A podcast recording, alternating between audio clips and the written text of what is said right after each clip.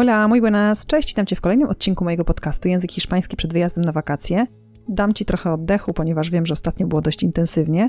Także dzisiaj zapraszam Cię serdecznie do wysłuchania tematu związanego z kulturą i obyczajami, czyli jeden z elementów mojej autorskiej metody HOP, hiszpański obyczaje, proces.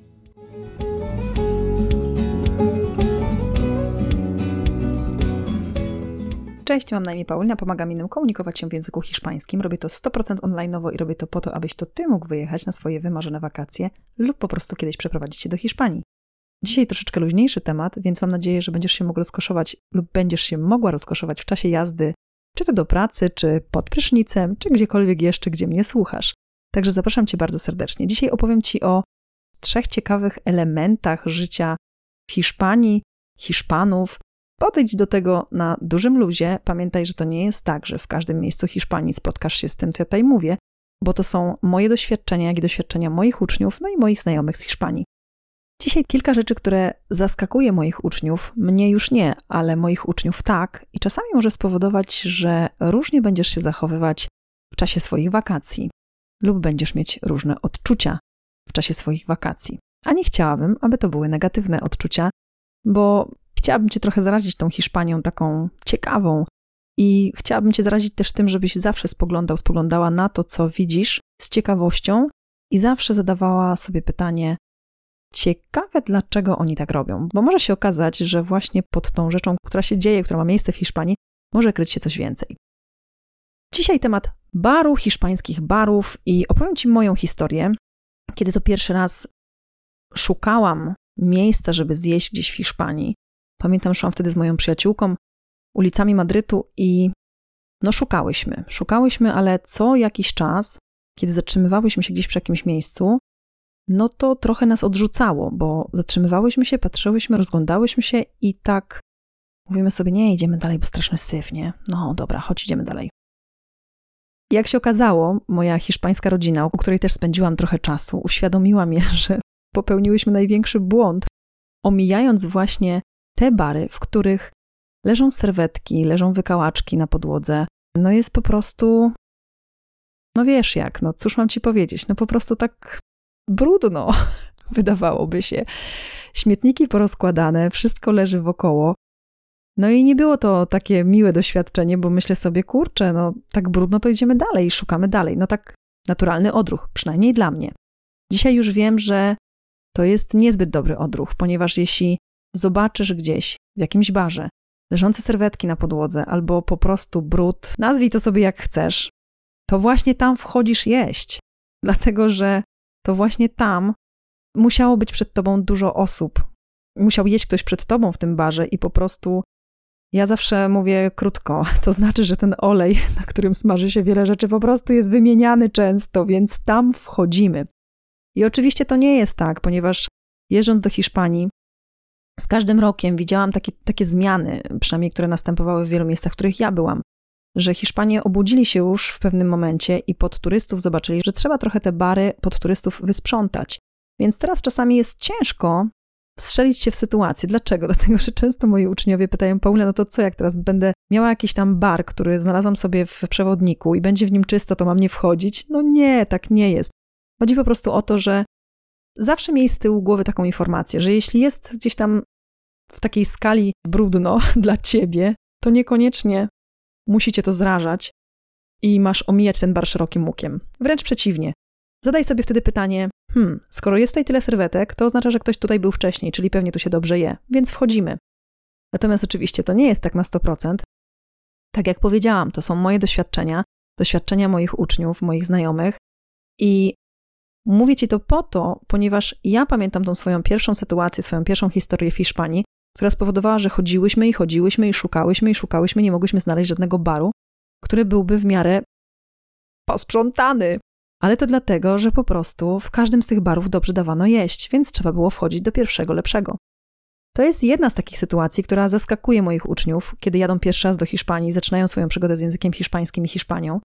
Kolejna rzecz, która zaskakuje w Hiszpanii, kiedy jesteśmy w barze i prosimy o piwo, to myślę, że zgodzisz się ze mną. Większość moich uczniów się zgadza. W Polsce, jeśli poprosisz o piwo, to dostajesz po prostu duże piwo. kiedy przychodzisz do stolika w Polsce z małym piwem, czasami pytają się ciebie, o, co to dzisiaj nie pijesz? Także jak będzie w Hiszpanii? W Hiszpanii, jeśli zamówisz po prostu piwo, poproszę jedno piwo, czy poproszę piwo, dostaniesz małe piwo.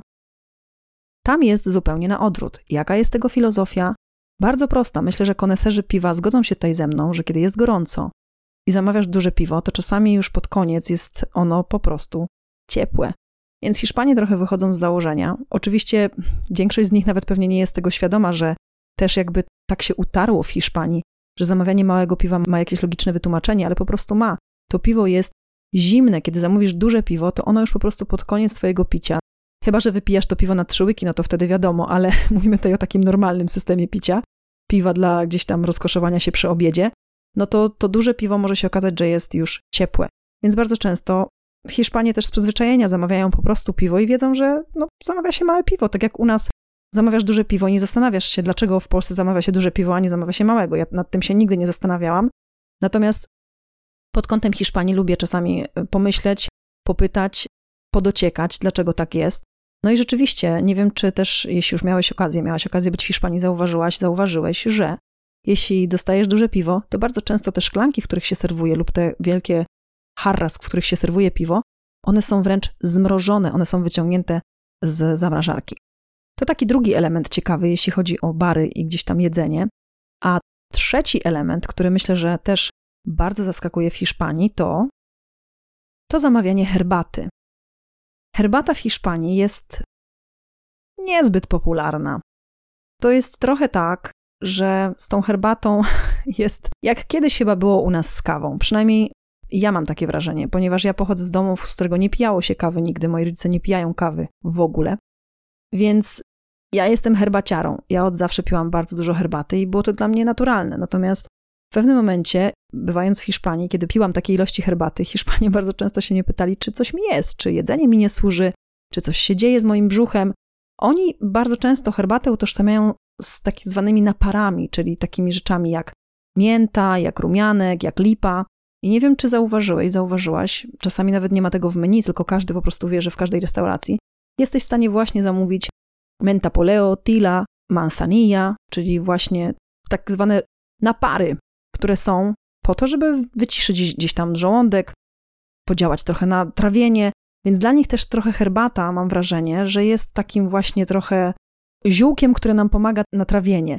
Natomiast ja nie traktuję herbaty w żaden sposób jako jakieś lecznictwo, tylko po prostu jestem przyzwyczajona do picia herbaty, pewnie jak większość osób przyzwyczajona jest do picia kawy. Natomiast rzeczywiście z tą herbatą też są ciekawe rzeczy, ponieważ bardzo często moi uczniowie spotykali się z tym, że zamawiali herbatę i na przykład dostawali iced tea, czyli dostawali po prostu mrożoną herbatę, albo nawet mrożoną herbatę taką, gdzie, gdzie serwuje się z butelki, gdzieś tam Nesty iced tea, więc trzeba było dorzucić, że to ma być ciepła herbata, więc trzeba czasami powiedzieć, że to ma być czarna herbata, czyli nie wiem, jaką lubisz pić, ale bardzo często trzeba dorzucić, że to ma być un té negro, czyli czarną herbatę poproszę na przykład. Także z tą herbatą nie wiem, jakie są Twoje doświadczenia, jakie będą Twoje doświadczenia. Oczywiście pamiętajmy, że Hiszpania też się zmienia i pod turystów z różnych części świata już coraz więcej wiedzą, że rzeczywiście turyści pijają tą herbatę. To też się po prostu zmienia. Natomiast nie zdziw się, jeśli wylądujesz gdzieś w jakimś miejscu w Hiszpanii, zamówisz herbatę, no i dostaniesz albo iced tea, albo ktoś będzie dopytywać, jaka ta herbata, że to ma być menta poleo, tila, manzanilla, a ty nie znasz tych nazw i nie wiesz o co chodzi. No to tak naprawdę nic innego jak napary. Napary, których niekoniecznie możesz chcieć pić, bo ja po obiedzie nie mam ochoty wypijać żadnej mięty, ani żadnego rumianku, ani, ani żadnej tam lipy. Więc jakby to nie jest to, co ja lubię wypić po obiedzie. Ja po obiedzie po prostu lubię wypić ciepłą herbatę. Tak jestem przyzwyczajona, taki jest mój zwyczaj. I wiadomo, że nie każdego Polaka jest to taki zwyczaj, żeby wypić herbatę. Większość osób pewnie też pije kawę po obiedzie. I Hiszpanie owszem też, ale o tym nie w dzisiejszym odcinku. Dzisiaj chciałam Ci pokazać trzy elementy ciekawe, jeśli chodzi o bar i jakieś takie jedzeniowe sprawy. Czyli pierwsza rzecz, jeśli zobaczysz rozrzucane serwetki, to niech Cię to nie odstrasza, tylko wręcz zastanów się, czy właśnie może warto wejść do tego baru. Jeśli zamówisz piwo i nie powiesz, jaki chcesz rozmiar piwa, to bardzo często dostaniesz po prostu małe piwko. No i jeśli zamówisz herbatę, to też uważaj, bo różne rzeczy mogą wylądować na Twoim stole, więc jeśli chcesz rzeczywiście tą swoją ulubioną czarną herbatę, to po prostu poproś dokładnie czarną herbatę Mam nadzieję, że to było ciekawe i użyteczne. Pamiętaj, że każdy ma swoje doświadczenie. Mam nadzieję, że ty przywieziesz z Hiszpanii swoje doświadczenia związane gdzieś tam z takimi aspektami kulturowymi. Będę się na moim podcaście dzielić wieloma takimi rzeczami, bo jest tego sporo, ale to tyle na dzisiaj. Przypominam Ci, że zbieram już zapisy na Złap Hiszpański za rogi, część pierwsza, czyli kurs od zera, który rusza w styczniu. Tak, zapisy ruszają już teraz, ponieważ jest trochę ćwiczeń do zrobienia, zanim ruszymy z lekcjami na żywo. To tyle na dzisiaj. Es todo por hoy. Muchísimas gracias. Hasta luego.